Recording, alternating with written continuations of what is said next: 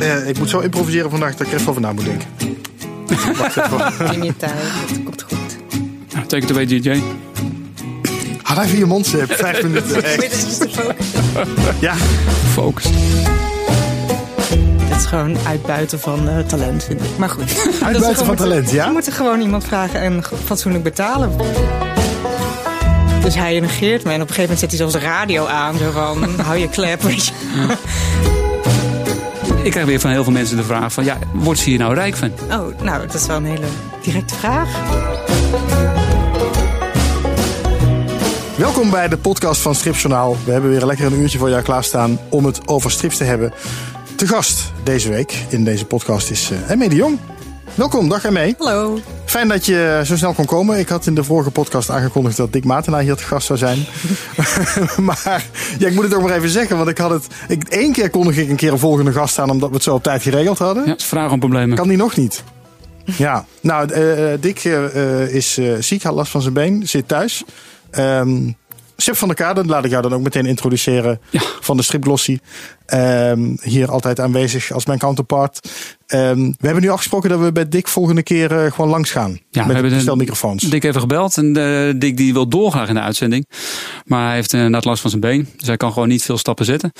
Dus wij zetten stappen naar hem toe. Nou, leek me een goed plan. Maar het, het mooie is dan dus dat we nu iemand in de studio hebben die toch al hoog op mijn lijstje stond. En een nieuw boek uit heeft, eh ME, met Ja. het boek Taxi. Ehm Uitopteken. uitroepteken. Oh ja, is dat belangrijk? Ja, je moet, eh, als je de titel zegt, moet je eigenlijk roepen. Taxi! Dan, dat klopt. Dat is het. Oh, dat kijk, is dat is leuk. Kijk, Ja. kijk. Ehm, gaan we het zo meteen over hebben. Yes. Eerst even Sep, ehm, daar beginnen we altijd mee. Wat is jouw nieuws als het om strips Ik, eh, gaat? we hebben heel mooi nieuws, want die zit namelijk naast ons. Eh, want eh, we hebben een vertegenwoordiger van de stichting eh Debutantenfonds Beeldverhaal. Hallo. Ja, zou jij je kort willen voorstellen? Ja, hoi. Ik eh, ben Roos Huiskes. Ik eh, ben dus bestuurslid van de Stichting Debutantenfonds Beeldverhaal. Eh, en eigenlijk in het kort zijn wij een nieuwe stichting. En we zetten ons sterk om eh, debutanten te helpen hun eerste album uit te brengen. En dat doen wij met onze Debutanten Award. Ja, wat zit er aan die wo- woord vast? Ehm, nou, kort gezegd eh, selecteren wij eigenlijk jaarlijks... Of nou, niet wij zelf, maar we hebben een panel van experts... die selecteren zes debutanten. Eh, en als je die award dan wint, eh, krijg je vanuit ons een begeleider toegewezen. En zorgen wij dat de fondsen vrijkomen. En krijg je een uitgever toegewezen. En dan op zo'n manier komt er binnen een jaar, als het goed is, eh, een nieuw album. Maar kan je dat inderdaad dan garanderen binnen een jaar? Want dit klinkt wel heel erg mooi. Ja, ehm, daarom willen we graag eh, manuscripten die eh, ja, bijna af zijn. Ja. Ehm, het komt eigenlijk vanuit de initiatief dat bij de uitgeverij heel vaak manuscripten binnenkomen die nagenoeg al af zijn, maar net niet verfijnd genoeg voor uitgeverij. En eh, wat heel erg jammer is. En stripuitgevers hebben eigenlijk niet genoeg mensen, niet genoeg geld, eh, niet genoeg tijd om die eh, mensen te helpen om hun album uitgeverij klaar te maken. En daarom willen wij zeg maar dat gat overbruggen. Ik zie ME hier heel erg knikken. Ja, Nee. dat klopt gewoon helemaal wat je zegt. Ik vind het echt een super initiatief. En, Helaas zijn we een beetje te laat voor jou. eh, ja, ik heb nog wel een vraag als dat mag. Wat, wat verstaan jullie onder debutanten? Want ik weet dat heel veel stripmakers beginnen met soort small press boekjes. Ja, Telt small, dat niet? Nee, small press en zines eh, tellen gewoon eigenlijk niet mee. Het is echt de eerste die via een eh, uitgeverij professioneel wordt uitgegeven. Dus, eh. Oké. En beeldverhaal rekenen wij ook aardig breed. Dus het mag echt eh, een gagstrip zijn als je maar een album vol kan eh, maken ermee. Of eh, literair werk met beeld ondersteund. Ehm, ja, prentenboeken, strips. Maar als er nou, eh, het het lijkt mij heel erg moeilijk om eh, te selecteren van ja, dit gaan we doen. Ja. Want ik ben ook uitgever, ik krijg regelmatig manuscripten waarvan ik echt mm, vrijwel alles eh, eh, fatsoenlijk maar, eh, maar toch afwijs. Ja. Ehm, dat lijkt me heel moeilijk om gewoon die, die waarde te bepalen van het succes van zo'n debutant. Ja, eh, daarvoor hebben wij ook een panel met een beetje experts vanuit eh, nou ja, heel veel verschillende kanten van de stripwereld. Dus Kan je we er iets meer over zeggen? Zo'n panel, waar bestaat het uit? Eh, oh, moet ik even nadenken over welke naam ik. We hebben zo bijvoorbeeld Robert Croft zit eh, in ons panel. Robert van der Croft, ja, Robert van der Croft, yes. Claire, hartstikke goed. Ehm, moet ik even denken. We hebben ja, een stripjournalist, een, iemand van de uitgeverij, ehm, eh, een scenario schrijver ook. Pff, alle namen weet ik eh, niet. Dat regelt onze voorzitter. Ja. Dus eh, Je heeft alle disciplines geregeld, ja, zeg maar. wij, eh, wij proberen iemand te selecteren vanuit allemaal verschillende disciplines, zodat we een beetje genuanceerd en eh, nou ja, veelzijdig beeld ervan kunnen krijgen. Ja, en op het moment dat jullie zeggen met z'n allen, nou dit wordt hem. Ja. Dan ga je proberen fondsen te Nee, creëren. eh, ik ga deze zomer al bezig met fondsenwerving. ja? Eh, enige, nou ja, enige probleem daarmee is dat we alleen nog moeten kunnen kijken wat voor type werk we hebben. Dus als we een heel erg literair werk, eh, stripboek hebben of een graphic novel, kunnen we bijvoorbeeld ook naar de Fonds van de Letteren gaan. Maar als je een gagstrip hebt, kan je dat natuurlijk weer niet. Ehm, maar we zijn nu bezig met een heel uitgebreid eh, eh, lijstje aan het opzetten van alle fondsen die eventueel mee willen werken. Hans Pols, onze voorzitter, is ook erg bekend met heel veel fondsen. Dus die is overal antwoord aan het verspreiden dat we bestaan. En er lijkt heel veel interesse te zijn. Dus eh, dat is nog ja, afwachten. maar Dat de pot is nu nog leeg. Nee, we hebben al een startersfonds van eh Pick the Right. Dus het eerste jaar, maar dat is niet genoeg om zes boeken uit te geven. Nee, want dat is jullie doelstelling, hè? zes per jaar. Dus, Hooguit eh, zes, ja. Hoog, hooguit zes. Nou, een boek produceren kost ongeveer zo'n 10.000 euro. Ja. Dus je moet zo'n 60.000 euro startkapitaal eh, per jaar hebben. Ja, ja, ja. Bij wijze van spreken wel. en dan ja. willen jullie op voorhand eh, willen jullie dat hebben. En je gaat niet per titel kijken van kan ik daar fondsen voor genereren. Ja, eh, beide eigenlijk. Dus we gaan al rond naar de fondsen die in het algemeen eh, geïnteresseerd zijn en die sowieso iets bij zouden kunnen dragen. En dan gaan we per boek ook kijken hoeveel we nog eventueel nodig zouden hebben en welke fondsen we daar extra nog bij voor kunnen halen. Gelukkig bestaan er zeker in België heel veel fondsen voor. Dat is trouwens ook leuk om te noemen. Het is niet alleen voor Nederlandse tekenaars, maar Mhm. ook Belgische tekenaars. Ehm, maar ja, dat, eh, het fijne is natuurlijk nog even uitzoeken, want eh, het is het eerste jaar. En eh, we moeten ook kijken of we überhaupt genoeg goede manuscripten binnenkrijgen om zes boeken uit te geven. Dus dat wordt nog afzien. Maar de, Inschrijving is Ja, geopend. dat wou ik zeggen. Hoeveel hebben jullie nu binnen? Ik heb er sowieso al eentje in mijn mail staan. En nou ja, er zijn meerdere kanalen waar dingen binnenkomen. Dus dat, eh, ik- ga vooral over de social media, PR en mail beantwoorden. Dus eh, Nou, de PR zit hier wel goed, geloof ik. Ja, Ja. heel erg goed zelfs. En naar welk e-mailadres mogen ze sturen? eh stripfonds.gmail.com of info.stripfonds.nl.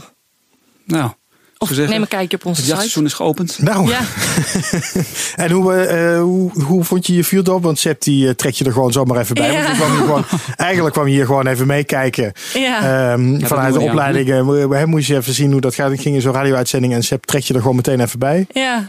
Ik vond het wel goed eigenlijk hoor. Oh, dank je. Ja.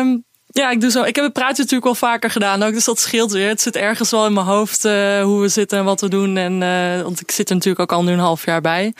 Eh, ja, ik vind het erg leuk dat jullie daar even tijd voor vrij willen maken. Om dat eh, toch weer de wereld in te kunnen Ja. brengen. Voel je vooral vrij ook om tijdens deze uitzending eh, pittige vragen te stellen aan een mee vooral. Oké, als ik eh, wat bedenk, dan... eh, Ja, ja is goed. Doe mijn lijkt me een best. goed plan. Lijkt me een goed plan. Ehm, ik had als nieuws, eh wat moet ik er even bij pakken weer hoor, want ik, had, ik zag het eh binnenkomen. Toch? Ja, ik heb iets over Suske en Wiske. Ga je me daarom nou om uitlachen, Sepp? Nee, nee. Ja, dat is maar een klein dingetje, maar ik vond het wel geinig. Zwarte madame. volgend jaar... Nee, niet Zwarte Madame. Nee. Oh, daar wilde jij nog iets over zeggen zo meteen. Hè?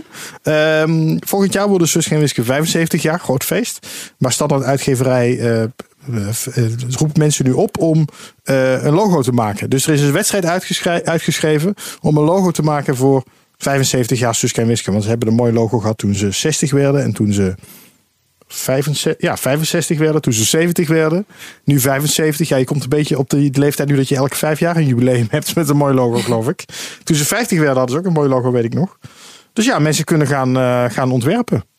Kijk natuurlijk even naar de enige tekenaar, eh, echte tekenaar in ons midden en mee. Ja, ik ben geen fan van eh, wedstrijdjes en eh, ontwerp dit en ontwerp dat. En dan Nee? je, nee, dat is gewoon uitbuiten van eh, talent, vind ik. Maar goed.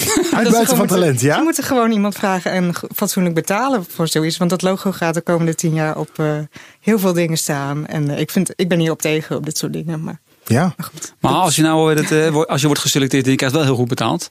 Ja, maar dat zeggen ze er niet bij. En waarschijnlijk is dat niet zo. Waarschijnlijk zeggen ze, je eens krijgt even betaald in de eer. Bel jij even Toon Horsten op eh, nu, eh, Robin? ja heb jij een nummer? Ik heb het nummer, ja. Serieus. Vraag maar, eh, Kunnen we even bellen? benieuwd. Ik ben heel erg benieuwd. Ja, het is Laten we even natuurlijk bellen. Het is natuurlijk ook zo dat alle andere mensen die ook mee hebben gedaan aan de wedstrijd er ook heel veel tijd en moeite in hebben gestoken. Ja. En die krijgen dan sowieso niet betaald. Nee, maar dat is met een pitch. Ik bedoel, ik, eh, Ja, dat is ook zo. ik moet ook regelmatig pitchen. Ja.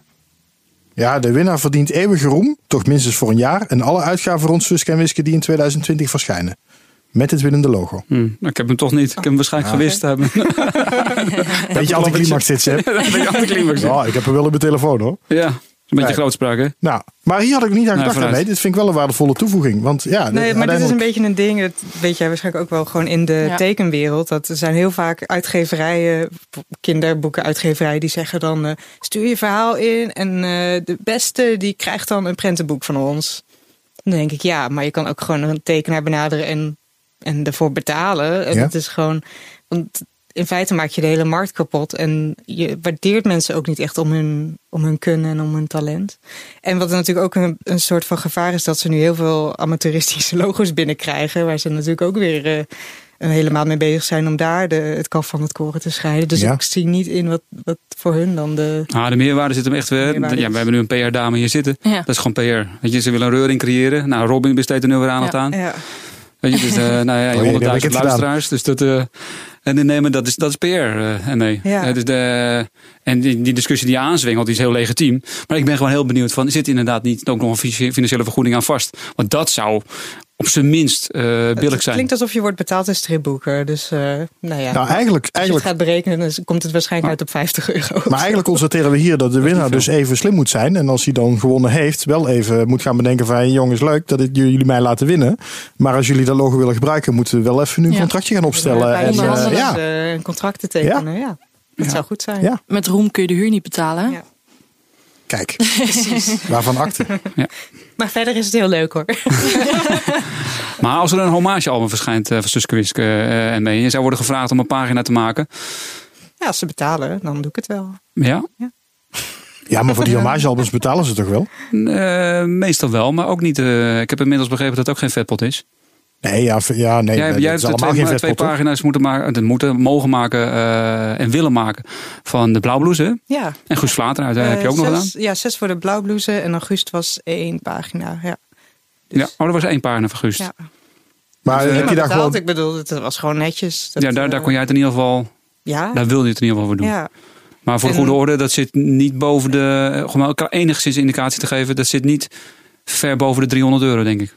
Eh, eh, nou, volgens mij wel. Ja, volgens, nou, blauwblouse wel, ja. Blauwblouse ja, Ja. blauwblouse wel. Dat is weer een andere, eh, was een andere uitgever.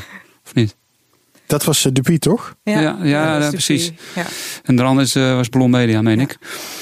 Ja, Nou ja, maar dat dat, kan, zou dat kan dus wel. Zoiets zou ik dus bijvoorbeeld niet, nooit gratis doen. Ook al is het... eh, Ook al is het ja, een ik ben een heel groot Robbedoes fan. Precies. Als het een Robbedoes hommage album is, dan denk ik nog steeds van... Nou, nee, dit is gewoon... Er gaan heel veel uren in zitten. Ik zou daar waarschijnlijk twee of drie weken mee bezig zijn. Ja, dat, dan heb je inderdaad... Je moet gewoon de huur betalen. En heel veel andere opdrachten moet je dan afstaan. En ja, misschien ben ik gewoon een beetje te pittig hierin hoor. Dat ik, want ik heb heel veel gratis dingen gedaan eh, in mijn leven. Maar ik denk dat nu voor mij dat ik toch wat beter ben geworden in time management. En ik heb ook ondervonden dat je er meestal eh, dat het meestal op verlies uitdraait qua ander werk en Maar niet, energielevel. maar heb je niet het idee ermee dat je al dat gratis werk wat je in het verleden hebt gedaan, juist nodig hebt gehad om daar te komen waar je nu bent?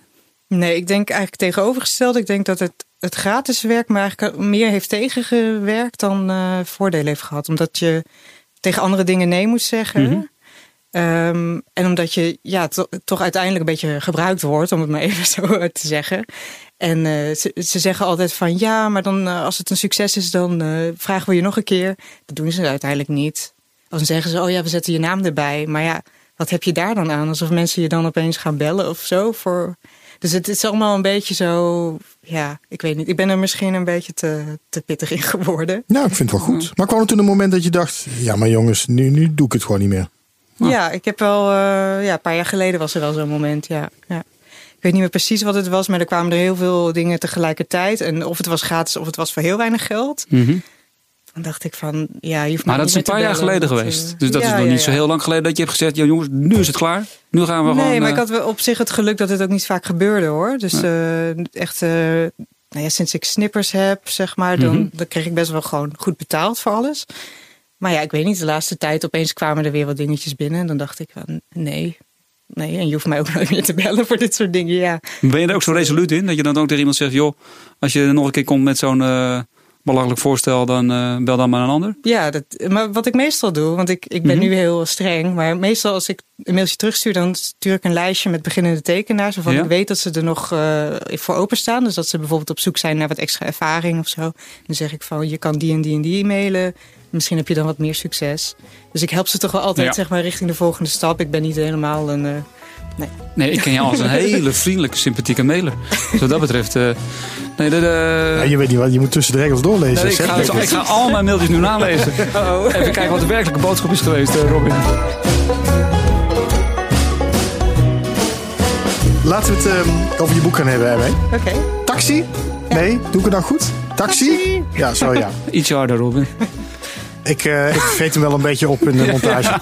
Echootje dan. Ja, een echootje erachter. Oh, weet niet of dat gaan doen. Moet misschien eens Dat even is wel uitzoeken. leuk. Het is een boek over jouw taxiritten eigenlijk over de hele wereld. Waar je, die je hebt verstript. Ja. Eh, kun je even uitleggen hoe je, hoe je te werk bent gegaan?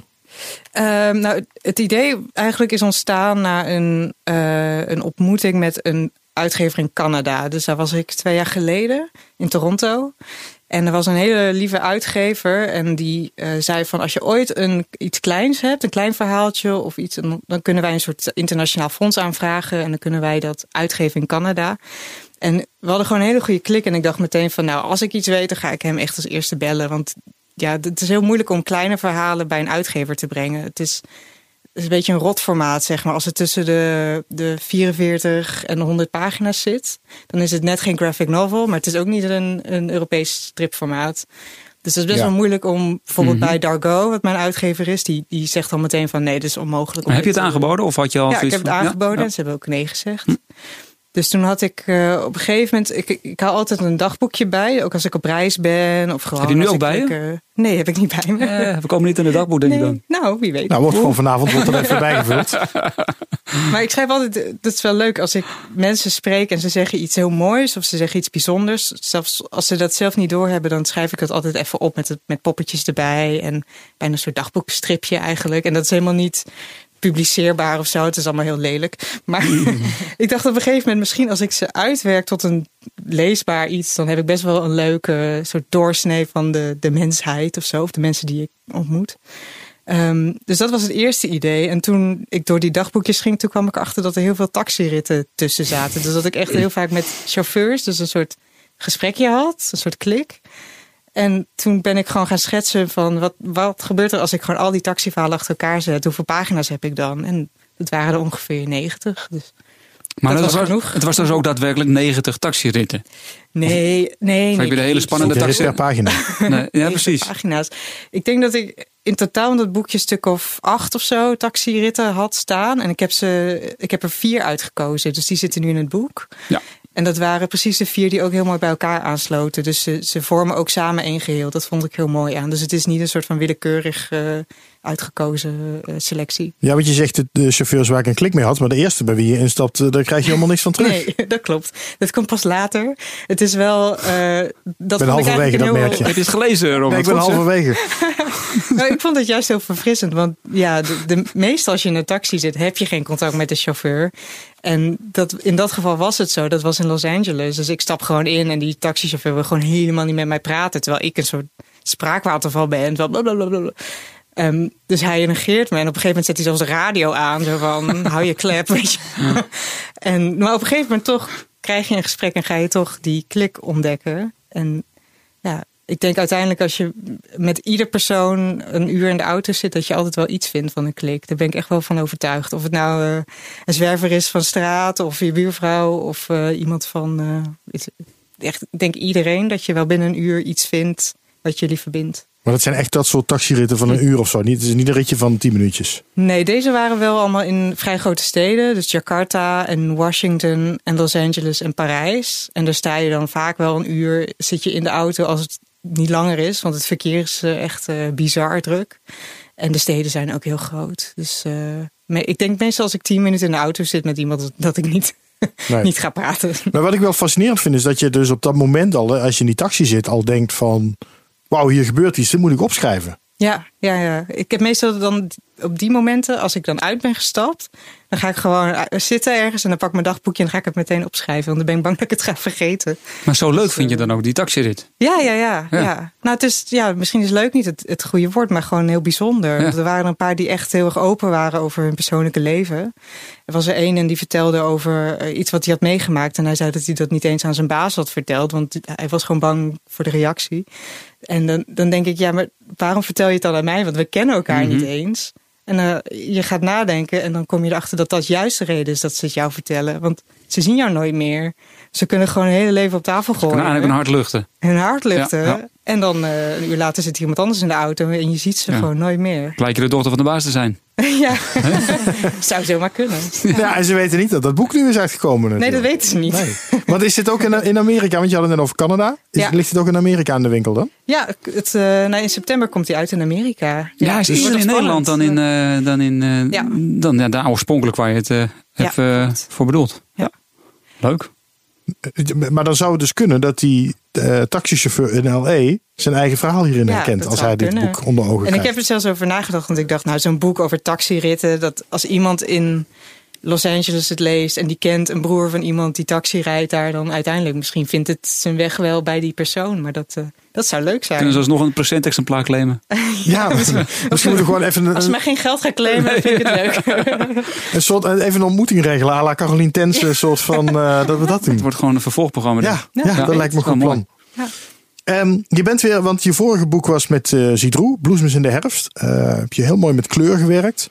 En dat was voor jou ook wel nieuw, geloof ik. Hè? Ja. En, en, en een beetje het zoeken, maar het is heel mooi geworden. Maar toch weer terug naar zwart-wit nu. Ja, klopt.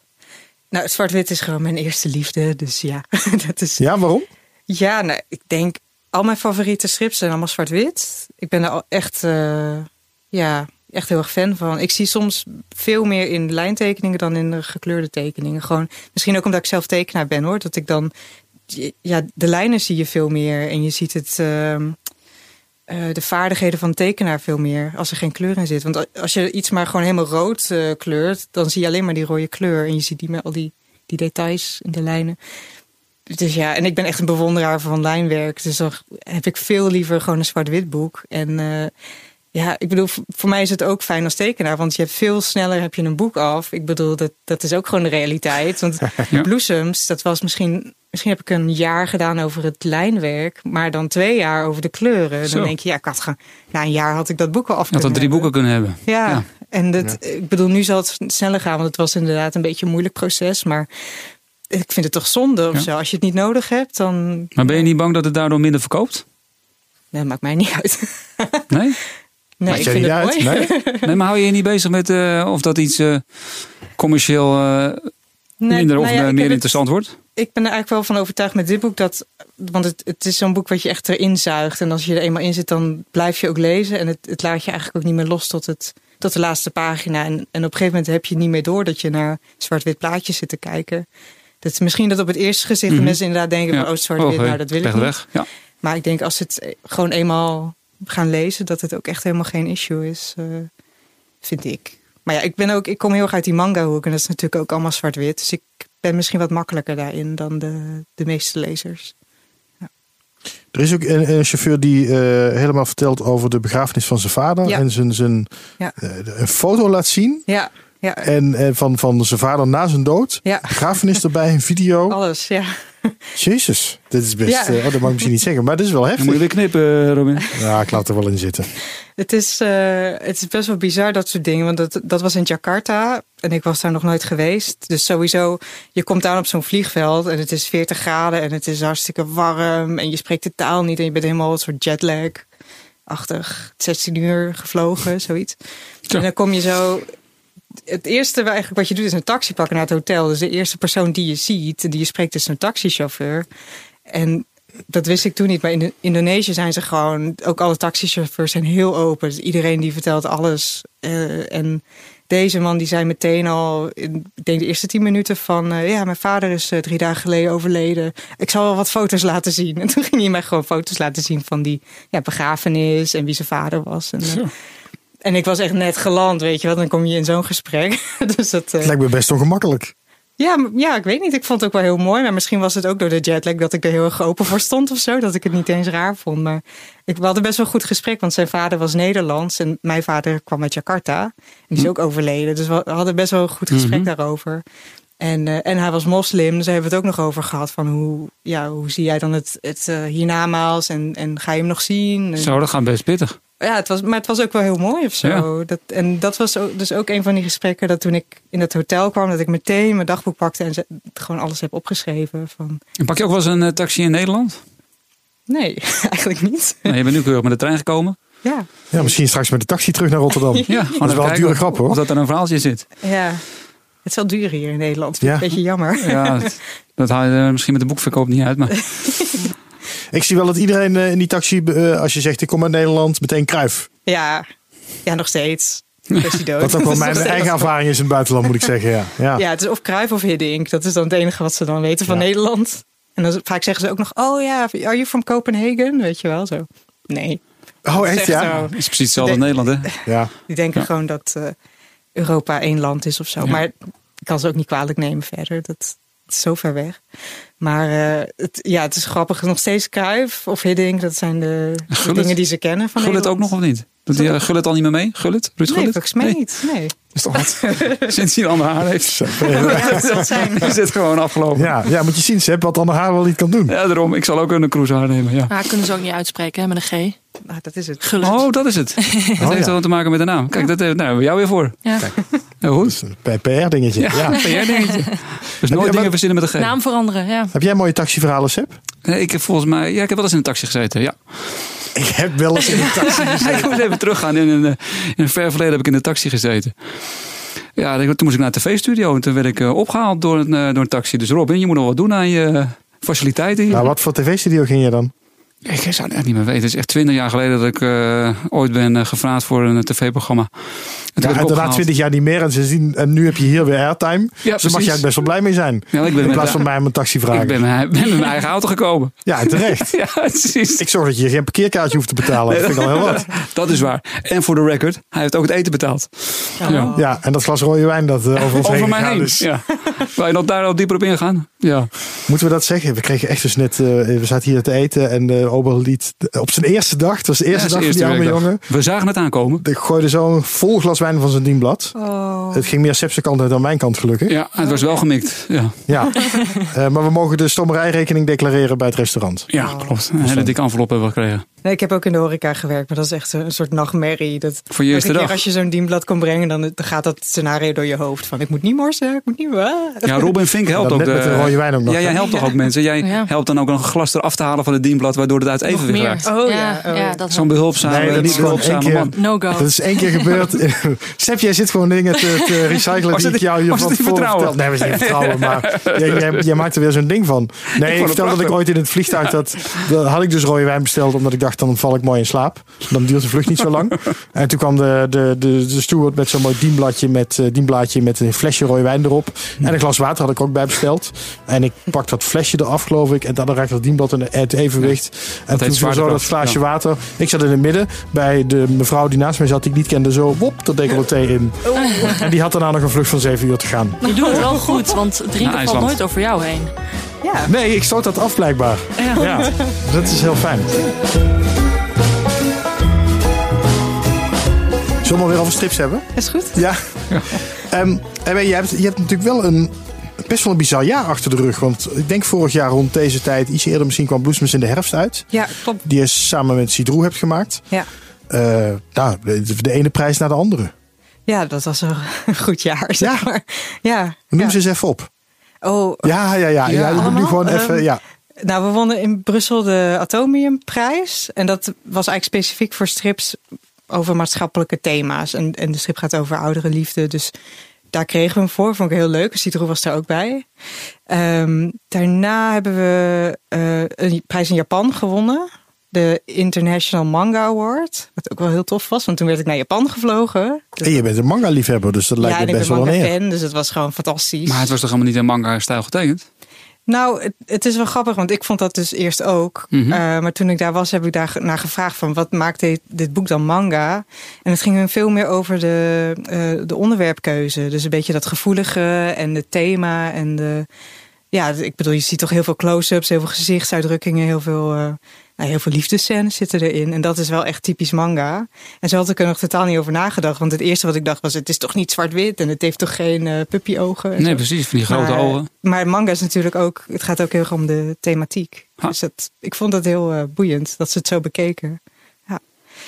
Ehm, en Maar hij is dus ook in het eh, Japans uitgegeven voor de goede orde. hè? Nee, nee, nee. Dat, eh, Oh? nee. Oh, komt dat dan is nog? heel moeilijk. Nee, ik denk dat het niet komt. Want Japan is best wel gesloten wat dat betreft. En die geven eigenlijk bijna geen eh, westerse tekenaars uit. En vooral omdat het in kleur is, dat is echt heel moeilijk. Want dat is voor hun heel kostbaar en heel moeilijk te verkopen. Ze gaan dat gewoon niet terugverdienen. Dat, ik heb een uitgever gesproken daar, van Kodansha. Dat is echt een van de grotere. Die hebben Akira en zo uitgegeven.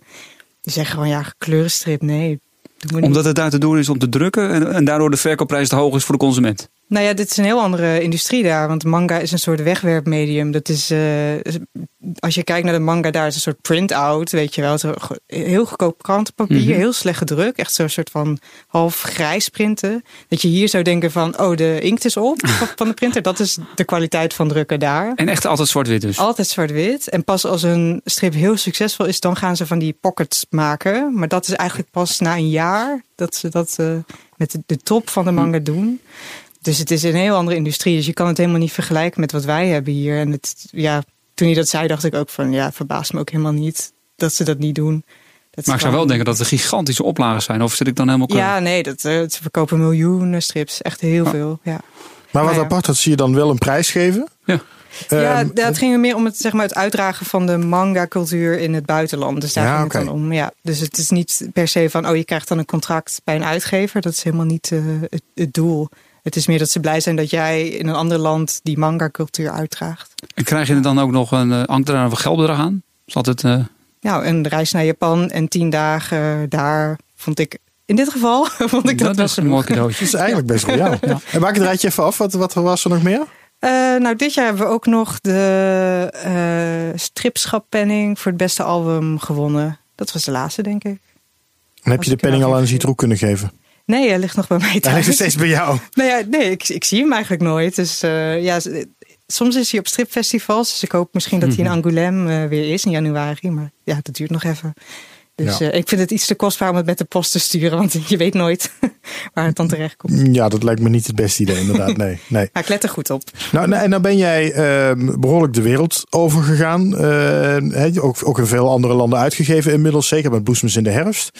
Eh, ook met de, de terugkeer van de Wespendief was dat ook al zo. Ja. Nou ja, taxi ben ben je zelfs in het buitenland begonnen. Hoe, hoe kijk je met die, laat ik zeggen, buitenlandse blik naar de stripwereld in Nederland?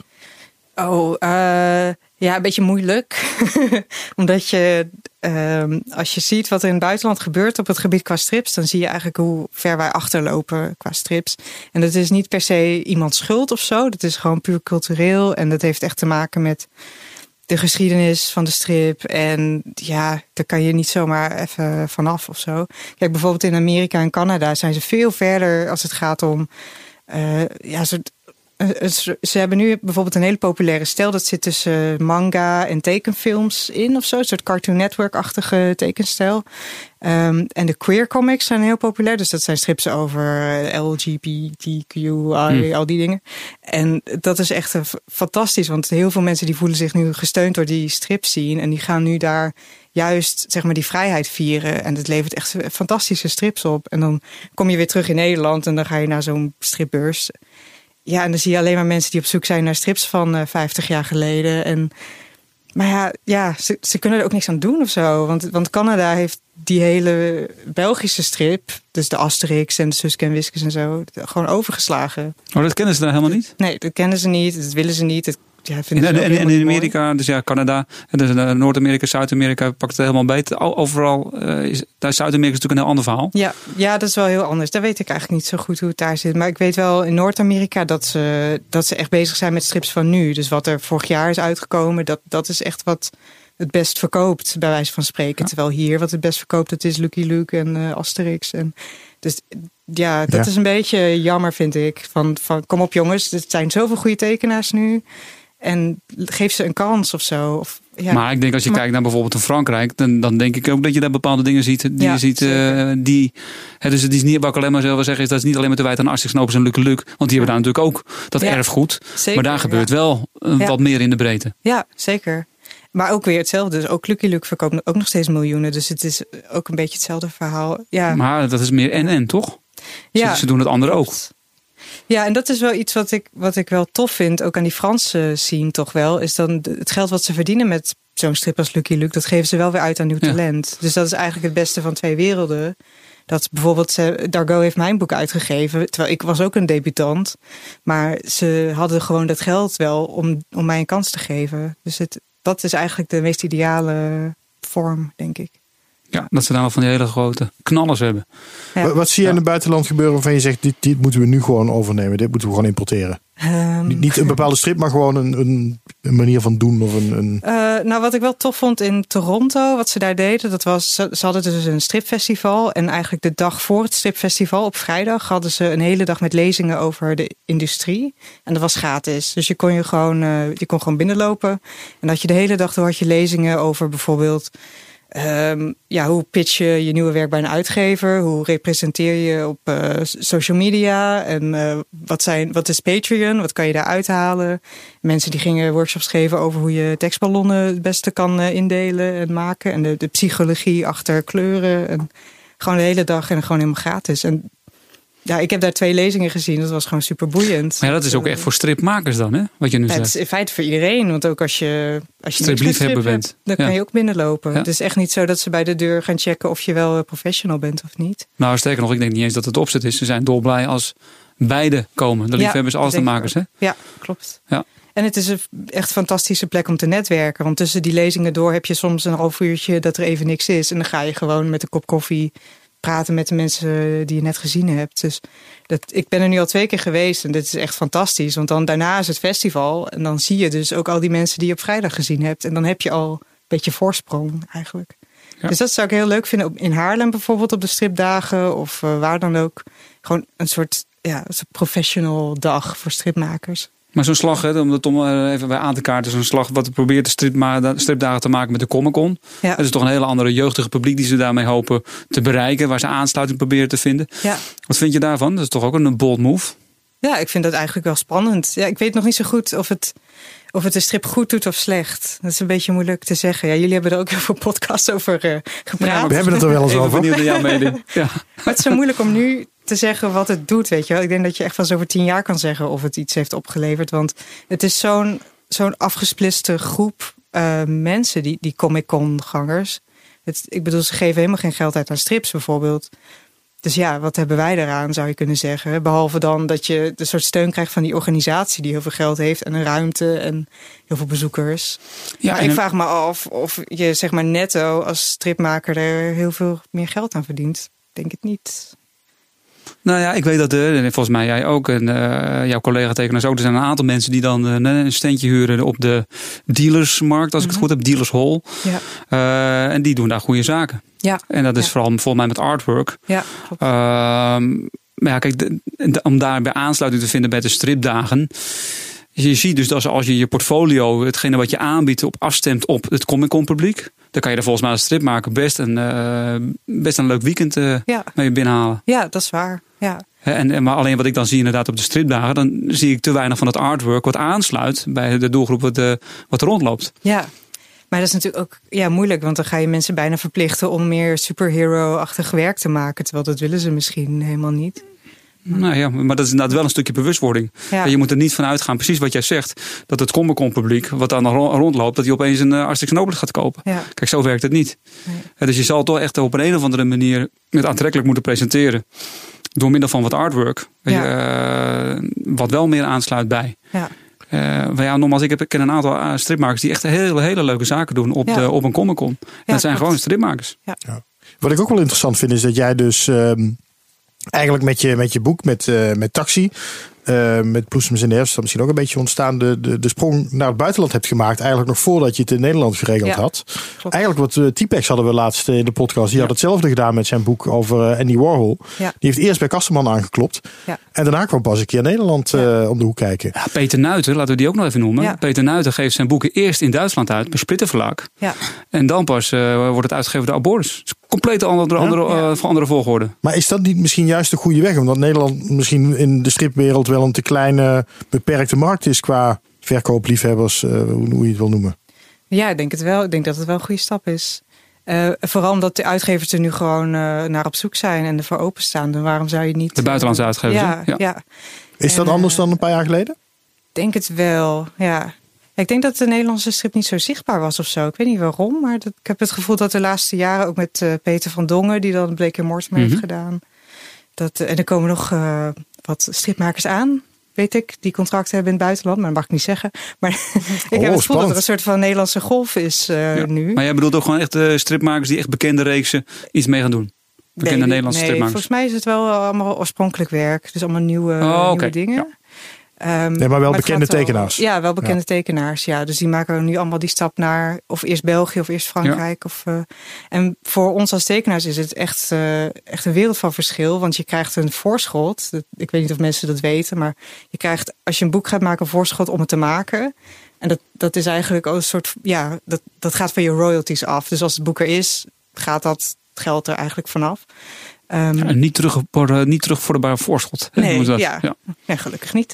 Nee. Maar eh, dat is in bijvoorbeeld een land als Frankrijk is dat voorschot veel hoger. En dan kan je er eigenlijk gewoon eh, tien maanden langer van werken dan in Nederland. Dat is echt, eh, in Nederland is het schandalig laag. Dat is bijna Maar toch kan een belediging, zou Ik, ik, ik, bijna ben, zeggen. ik, ben, ik ben een man van de getallen. Dus de, kan je er toch iets, iets noemen? Gewoon voor de beleving van de luisteraar? Voor de Westbrief, dus dat was mijn eerste boek, kreeg ik 1000 euro. En daar heb ik een jaar aan gewerkt. Oef, Oeh, dat is niet veel. Nee.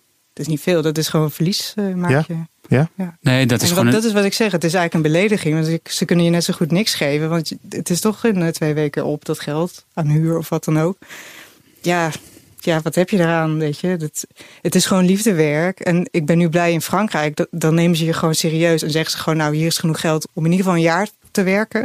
En dat zijn echt de bedragen waar we het over hebben. En dan heb je gewoon ook de tijd om iets goeds te maken. Want ik moest dus voor de Westbrief de hele tijd bijbaantjes zoeken. ja. Ik moest animaties doen. En, En dan je had, slip, storyboards. en had je slippers nog daarnaast of niet? Of Nee, had je nog het niet toen- toen. Nee. Oh, Oké. Ehm, oh ja, trouwens, je wel. Volgens mij liep het Ja, dus dat net denk ik door. van half. Ja. eh, Ja. ja. Want daar betaalde je eh, daarvoor je huur Ja. van. Hè? Van stippers kon je in principe je huur mee betalen. nou, niet alleen van snippers. Nee, dat was Moest nog wat bij. Dus, maar ik vond het op zich niet erg hoor, bijbaantjes. Want het is heel leerzaam. En je bouwt een netwerk op met klanten. en wat voor bijbaantjes altijd zijn dat? Is dat illustratiewerk of ga je... Nou, ik zat meer in de animatiehoek. Ja. Ja. Sip zat achter de kassa bij de Albert Heijn te denken. Eh, Ik doe, elke, ik doe zaterdag niks anders. Nee, maar dat, ik bedoel, dat is dus voor tekenaars is het echt interessant om naar het buitenland te gaan. Want je hoeft dan geen bijbaantjes te nemen. En ik bedoel, als mensen tegen mij zeggen van nou, die strips in Frankrijk zijn zoveel beter van kwaliteit of zo, dan denk ik ja, maar logisch. Want je hoeft er niks bij te doen. Je kan gewoon fulltime aan zo'n boek werken. En natuurlijk ziet het er dan goed uit, weet je. Dat, eh, En hoe maak je die stap naar het buitenland dan? Want dat lijkt me best nog wel een drempel. Ja, nou, ik denk dat eh, het altijd wel begint inderdaad met een manuscript. Of gewoon op festivals gewoon heel vaak blijven proberen en altijd eh, ja, je gezicht laten zien. Dat helpt ook. Ja, jij gaat heel vaak naar Angoulême, hè? Ja, ik ga elk jaar. En er zijn nog een paar festivals waar ik altijd heen ga. En dat helpt wel heel erg. Want op een gegeven moment, bijvoorbeeld Kasterman, daar heb ik nooit een boek bij uitgegeven. Mhm. Maar ze weten wie ik ben. Dus ook taxi heb ik ook naar Kasterman gestuurd. Hebben het niet gedaan. Nee, maar dat is wel maar goed om te weten. De, zeg maar in de selectieronde. Terwijl iemand anders zou nooit zo ver komen. Die zou gewoon met de stapel komen van, oh ja. Ja, maar dat is ook goed om te horen hè, dat, dat ook jij, weet je, eh, met een behoorlijke eh, grote naam inmiddels in Nederland, dat je dan toch ook, weet je, je moet het proberen. En, en dan moet je nee durven in- incasseren. En dat doe je Ja. dus ook. Hè. Je incasseert een nee bij Kasterman, een nee bij eh Dago. Ja. Vervolgens word je steeds creatiever. Eh, en dan ga je op een gegeven moment naar Canada. Ja, klopt. En hoe bedenk je dit? Maar het is wel gelukt. Het is Ja. hartstikke slim.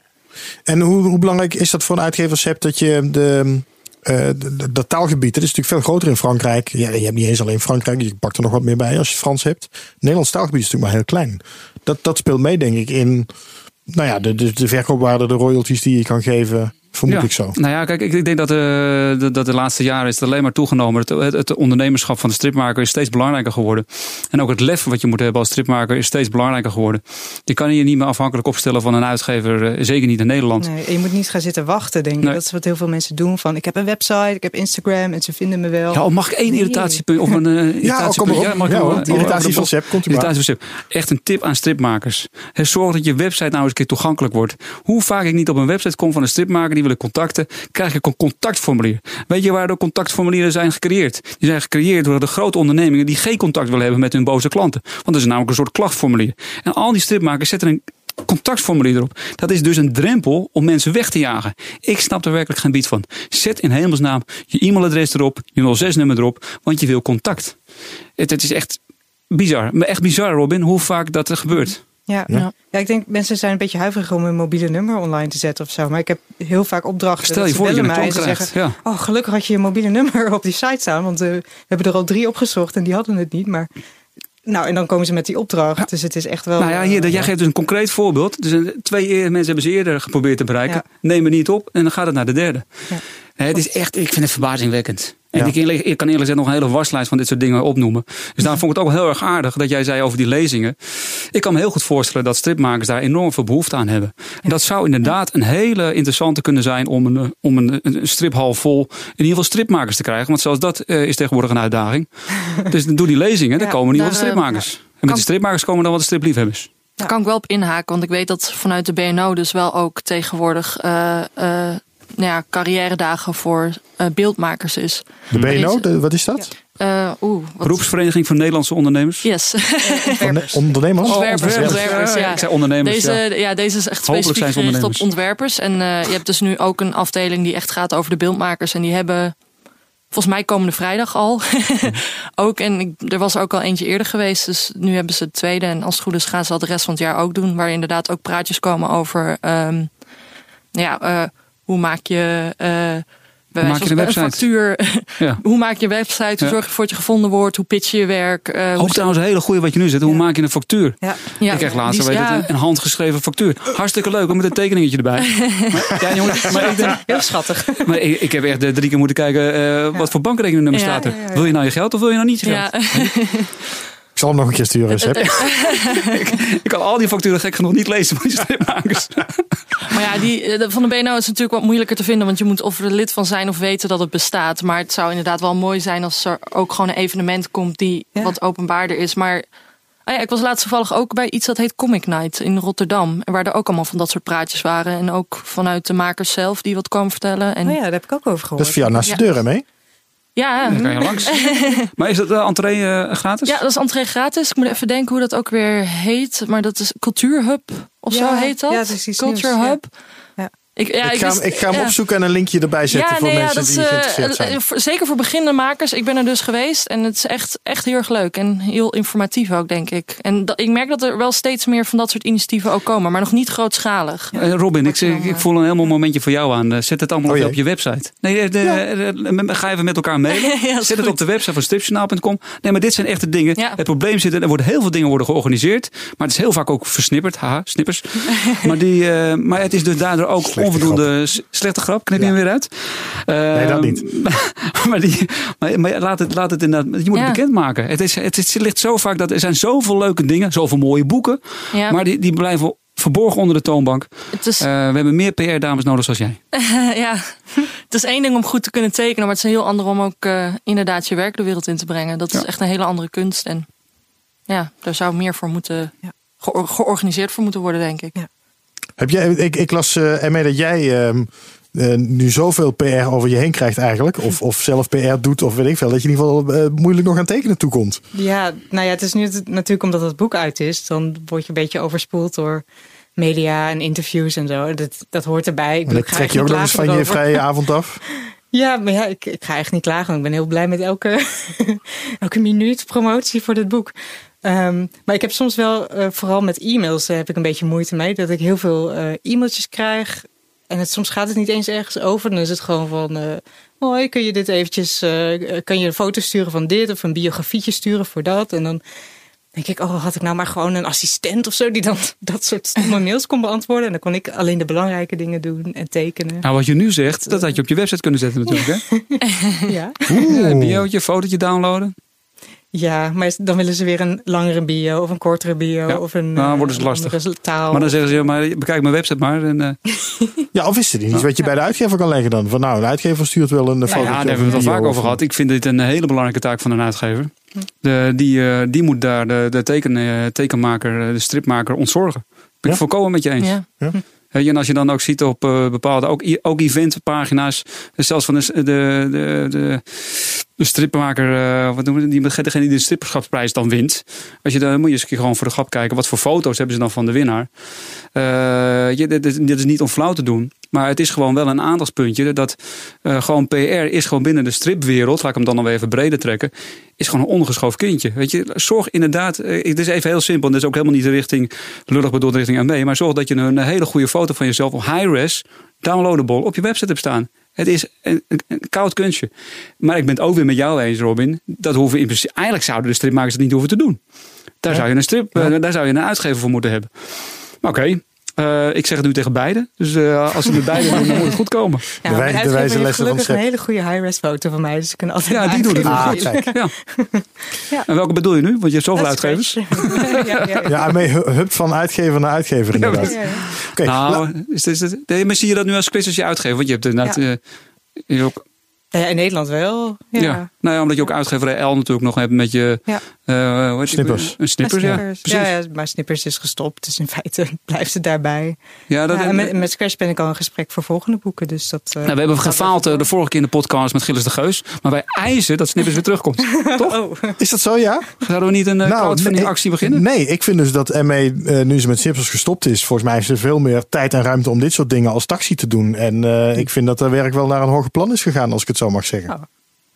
Dat is wel leuk om te horen. Ja, ja ik wil niet. eh, Nee, ik je wil hebt dus geen spijt. Je hier, hebt maar- geen spijt. eh. Ik heb echt geen spijt. Nee, nee, je mist het ook echt niet, dat even dat snippertje Nee. elke dag. Nee, want het was echt eh, fabriekswerk op een gegeven moment. En het is, ik had het vijf jaar gedaan, elke dag. Ik had ongeveer 1400 strips. En dan denk Oef. ik dat het wel genoeg is. Ik denk ook dat je op een gegeven moment alleen maar dezelfde grappen gaat maken. Want het is elk jaar weer kerstmis. Het is elk jaar weer eh, oud en nieuw. Het is elk jaar weer eh, de eerste schooldag. En je, dan, je gaat grapjes bedenken over die, die dingen. En je komt toch altijd weer op dezelfde grap uit. Ik bedoel, er zijn gewoon maar een x aantal grappige situaties Ja. die je kan bedenken. En in het begin dan heb je ze heel snel te pakken. Maar na vijf jaar dan denk je van... Oh, dat is een leuke grap. Oh ja, maar die had ik al in 2014. Ja, maar na oh, vijf die had jaar ik al kan in je- 2015. Maar kan je ze dan niet gewoon heel erg erg gebruiken? Na vijf jaar zo ben zijn- ik dan ook weer. Dan zijn, dan zijn ze het vergeten. Hè? Doet Mark Retra heel vaak met Dirk Jan, hè? Ja, Dus er precies. zit gewoon oude afleveringen in. Kijk, kan. Ja, zo doen ze. Ja, En Jan Kruis deed eh, de gouden ouwe. Dat is dan, als hij eh, zijn deadline niet had gehad. Gewoon een hele oude. Een echt een gouden. Ja, maar dan brengen ze het ook echt als gouden oude. Dat is mooi. Dat is mooie eh, PR. Klinkt het goed. Wat ik mij nog afvroeg, ME, eh, waar komt jouw liefde voor strips vandaan? Eh, ik denk uit mijn jeugd. Want mijn ouders die waren stripverzamelaars. Dus we hadden gewoon eh, heel veel strips thuis. Gewoon kasten vol met eh, alle strips die je maar kon wensen. Dus ik heb altijd eh, van huis meegekregen dat het oké is om strips te lezen. En ik zag mijn ouders ook nog steeds lezen. Dus ik had nooit het idee dat het iets heel kinderlijks was. Of gek of stom. Of... Maar is het, in je, is het eh, met je zus ook bijvoorbeeld? Zijn jullie allebei eh, strip-minded? Ja, Of- nee, zij, zij zit in een heel ander eh, vakgebied. Ze zit in de muziek. Maar ze, ik bedoel, zij is nog steeds heel open-minded als het om strips gaat. En eh, En zo'n taxi, dat, dat leest ze dan ook? ja, ja, ja, ze leest echt sowieso alles van mij. Ja? Maar ze leest ook nog steeds strips, ja. ja. Leuk. Maar je ziet dus wel, dat een beetje klassiek bijna, dat, dat dus opgroeien met zo'n flinke kast strips, dat, dat, dat zet wel iets aan. Ja, zeker. Ja. Wat is de Ja. eerste strip die jij in je handen had? Weet je dat nog? Oh, dat weet ik niet. Nou ja, het begon natuurlijk met de Donald Duck en zo. Dus eh, als kind. Ja, maar de echte liefde begon denk ik bij Robberdoes en Quabbernoot. Ja, toen heb ik echt dat virus te, te pakken gekregen. En dat waren boeken die in de, in de kast van je vader stonden. Ja, aan. ja. Heb je ooit nog eens een keer de Tina gehad nog? Als opvolger van de Donald Nee, Duck? nee, dat heb ik nooit gehad. Nee. Dan begint het dan heel erg manga-achtig te worden. Ik weet niet of dat ik, eh, maar ik, dat vind ik in ieder geval. Ja? Dat was in die tijd nog grote- niet zo, denk ik. Want nee, eh, nee, nee, die tijd de was het helemaal niet zo. Nee, maar ik vind de Tina echt, eh, echt heel leuk nu. Ik bedoel, er staat Jan Vriends staat erin. Ja, maar met Roos, En, eh, het zijn allemaal hele hippe jonge mensen. En Prinses dat- Simone. Ik bedoel, dat, is dat Noortje, die klassieke? Ja. Die staat er ook nog steeds in, volgens mij. Maar je ziet nu echt al zo van, oh, dat is Noortje. En dan sla je de pagina om en dan, hey, iets wat wel iets doet met mij, weet je wel. Van, iets wat gewoon Ja, maar en krijgen ze er niet uit. Ja, Nee, Noortje ja, hoort bij de grote classics van de Tina. Ja, hè? precies. Ja. Die hoor je Ja. erbij te hebben. Dat is het. Ja. Maar het gaat, het gaat niet, ja, ik weet niet, over de jeugd van nu, denk ik. Dus het is, maar ik vind het wel heel goed dat ze het er nog steeds in hebben staan. Want Ja. ja, het- Nou, dat is de is enige oude strip nog, hè? Want Tina was vroeger ook compleet anders. Want eh, Tina wordt ook door Jan Vriends getekend. De titelstrip, zo, zeg maar, van Tina. Nou, dat is echt totaal iets anders dan wat Tina ooit was. Ik bedoel even de Tina titelstrip. Want die was namelijk ook voorheen realistisch Ja. getekend. Ja. Nee, dit is echt een eh, hele, hele nieuwe wereld die voor me open gaat. Ja, jij bent een groot fan van de Tina, zie ik. ik kom af en toe bij Sonoma en dan neem ik er eentje mee Ah, voor, ja, mijn, voor ja, mijn kids. ja, ja, Ja. ja. En daar test ik het op. En die vinden het ook leuk. En dat zijn overigens twee jongens, maar die vinden de Tina gewoon prima. Ja, ik ben, ja, mijn zusje, wat ik zei, mijn zusje had vroeger de Tina. En ik wist dat er een strip in stond. Dat was dan wel Noortje. Maar ja, dat was in ieder geval een strip. Ja, dat is nooit. Dus dan las ik af en toe. Ik heb, nou ja, ik heb het wel eens gelezen toen, ja. ja. Nou ja, daarna ging ik toch weer gewoon naar mijn zus Weekblad. of zo. Ja, die is de ziel, hè? dat weet je. Ja, al lang ja, ja. Ja. Maar ik was van tevoren al gestopt. Ehm, eh, ik ik wilde nog één ding vragen, maar dat weet ik niet meer. Oh ja, wat, eh, Emme, eh, wat ehm, vind jij een, een strip van nu? Iets, iets anders waarvan je denkt, nou, daar ben ik heel enthousiast over.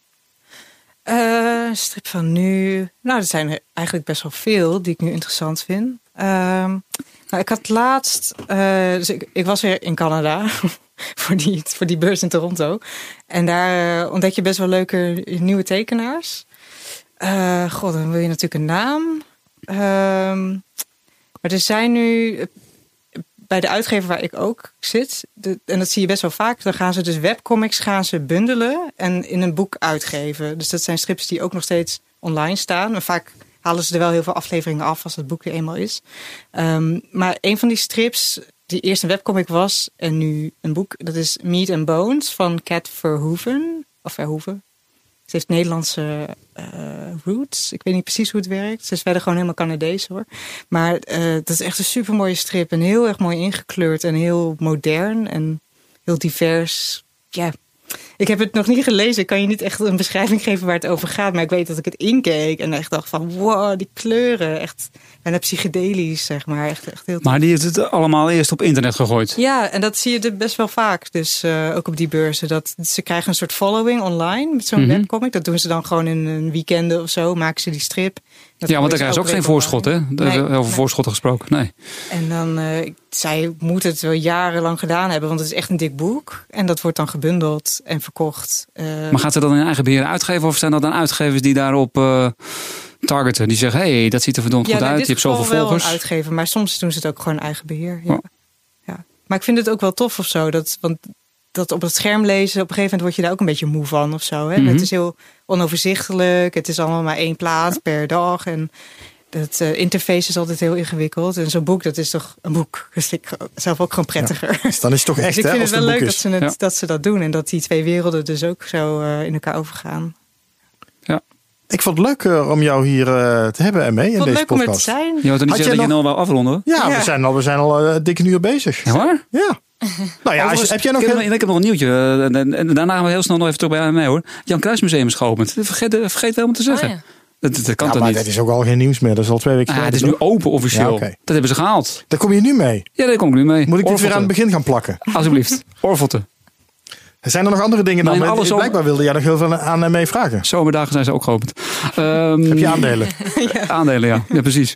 Eh, wat, wat willen we nou nog aan aan hem meevragen?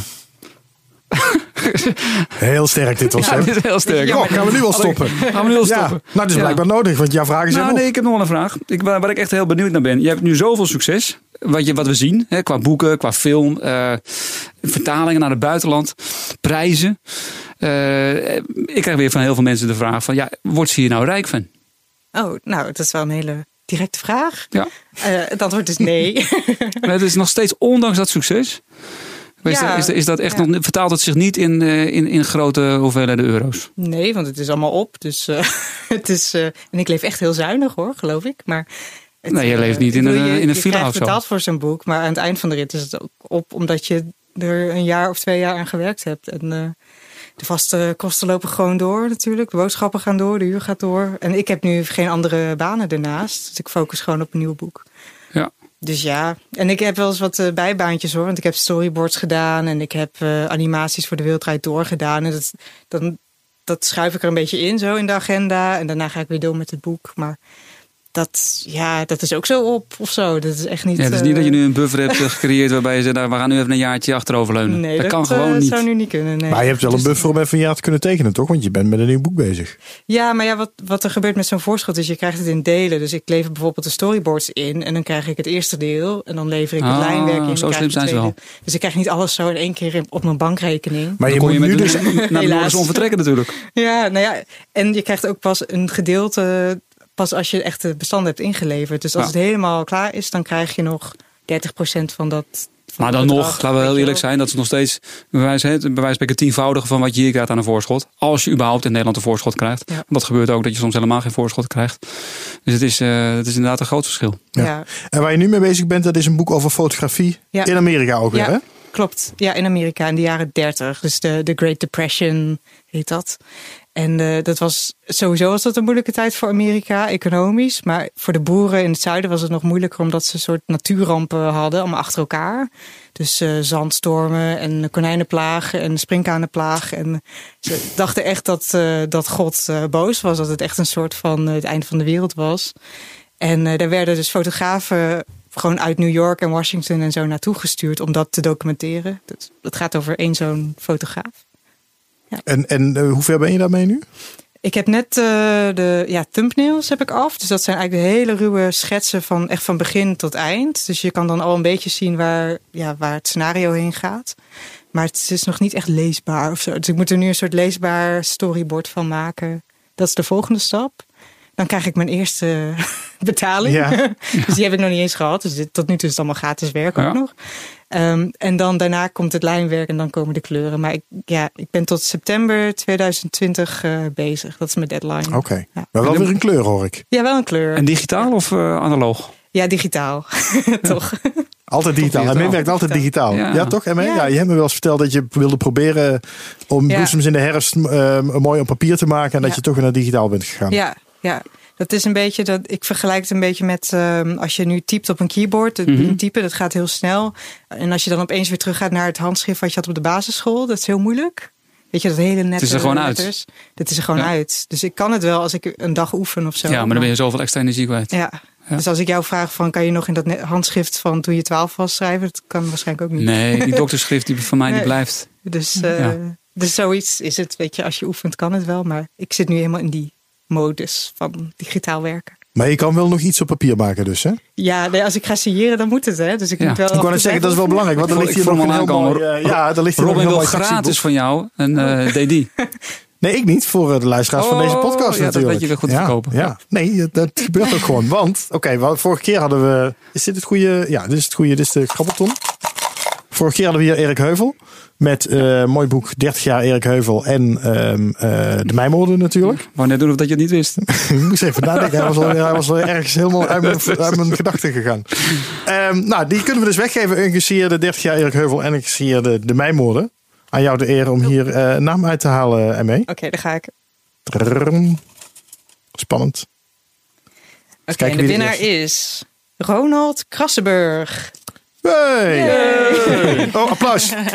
Maar oké, wat krijgt Ronald dan? Wordt dat de 30 jaar Erik Heuvel of de Mijmoorden?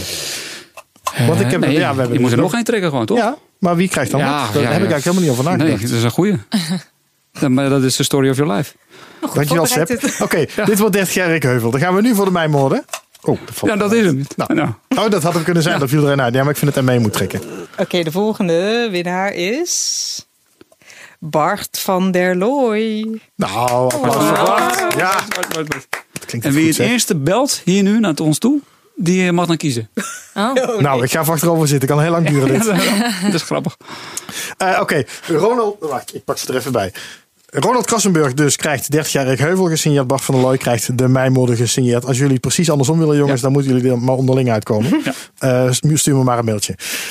Ehm, nou, deze ME, jij gaat deze dus eh, mooi signeren. Taxi. Ja. Voor eh eh, degene die zijn gegevens achterlaat op stripjournaal.com slash actie. Nou, dat allitereert mooi. Ehm daar moet wel een codewoord bij. Oh. Zodat we even weten dat mensen ook echt deze podcast hebben geluisterd. En dan mag Oh. jij bedenken. Oh, een codewoord. Een codewoord. Ehm, Oké. ik heb hier een bekertje thee voor mijn neus staan, dus ik zeg bekertje thee. Bekertje thee. De codewoorden worden elke week eh, interessanter. Eh, Oké, stripjournaal.com slash actie. Codewoord bekertje thee. Eh, voor het eh, eh, mooi gesigneerde boek Taxi door en de Jong. Dankjewel ermee. Fijn dat je er was. Ja, graag gedaan. Was De, de- nu echt klaar, Sip? Ik wil klaar. Ik durf iets, niks meer te zeggen. Nee, oké. oké. Nee. Nee, dan is het goed. Ehm dat Nou, was... ik heb het wel nergens. Oh, ja. Nee, we moeten, er, ja, we moeten er helemaal niet meer stoppen. We kunnen net zo lang Oh, door we kunnen gewoon doorgaan tot, we- tot we er weer neervallen. Ja, ik weet niet hoe lang mensen het nog leuk vinden om te luisteren. Ja, vast nog wel even, maar goed. Ik denk dat we gaan afronden. Stripjournaal.com slash actie dus voor als je mee wil doen voor het boek van Taxi. Dankjewel ermee. Dit was de Stripjournaal podcast. Eh, laat even een review achter op eh, iTunes of Spotify. Op Stitcher zitten we nu ook trouwens. Dat is een app voor eh, Android Ehm, het schijnt veel gebruikt te worden. Ik ken eerlijk gezegd niemand die het gebruikt, maar we zitten er wel op. Stripjournaal op Stitcher. Eh info at stripjournaal.com kun je me een mailtje sturen als je nog eh, iets wil achterlaten. eh, commentaar hebt op deze uitzending of andere podcast. Of iets wil laten weten. Eh stripjournaal.com, überhaupt voor al je stripnieuws. Volgende week gaan we dus langs bij, of eh, volgende keer, dat is niet echt volgende keer, week, maar ja. volgende keer gaan we langs bij Dick Matena. Ja. Gaan we een pootje lichten? Oh nee. Jesus Christ. En ik wil er nog zo mooi deze podcast gewoon helemaal goed netjes eindigen. En dan krijgen we dat. Oké. Volgende keer Dick Matena. Dankjewel jongens. Hij zal het je een dank afnemen, Sef. Zet hem maar uit. Oh oh.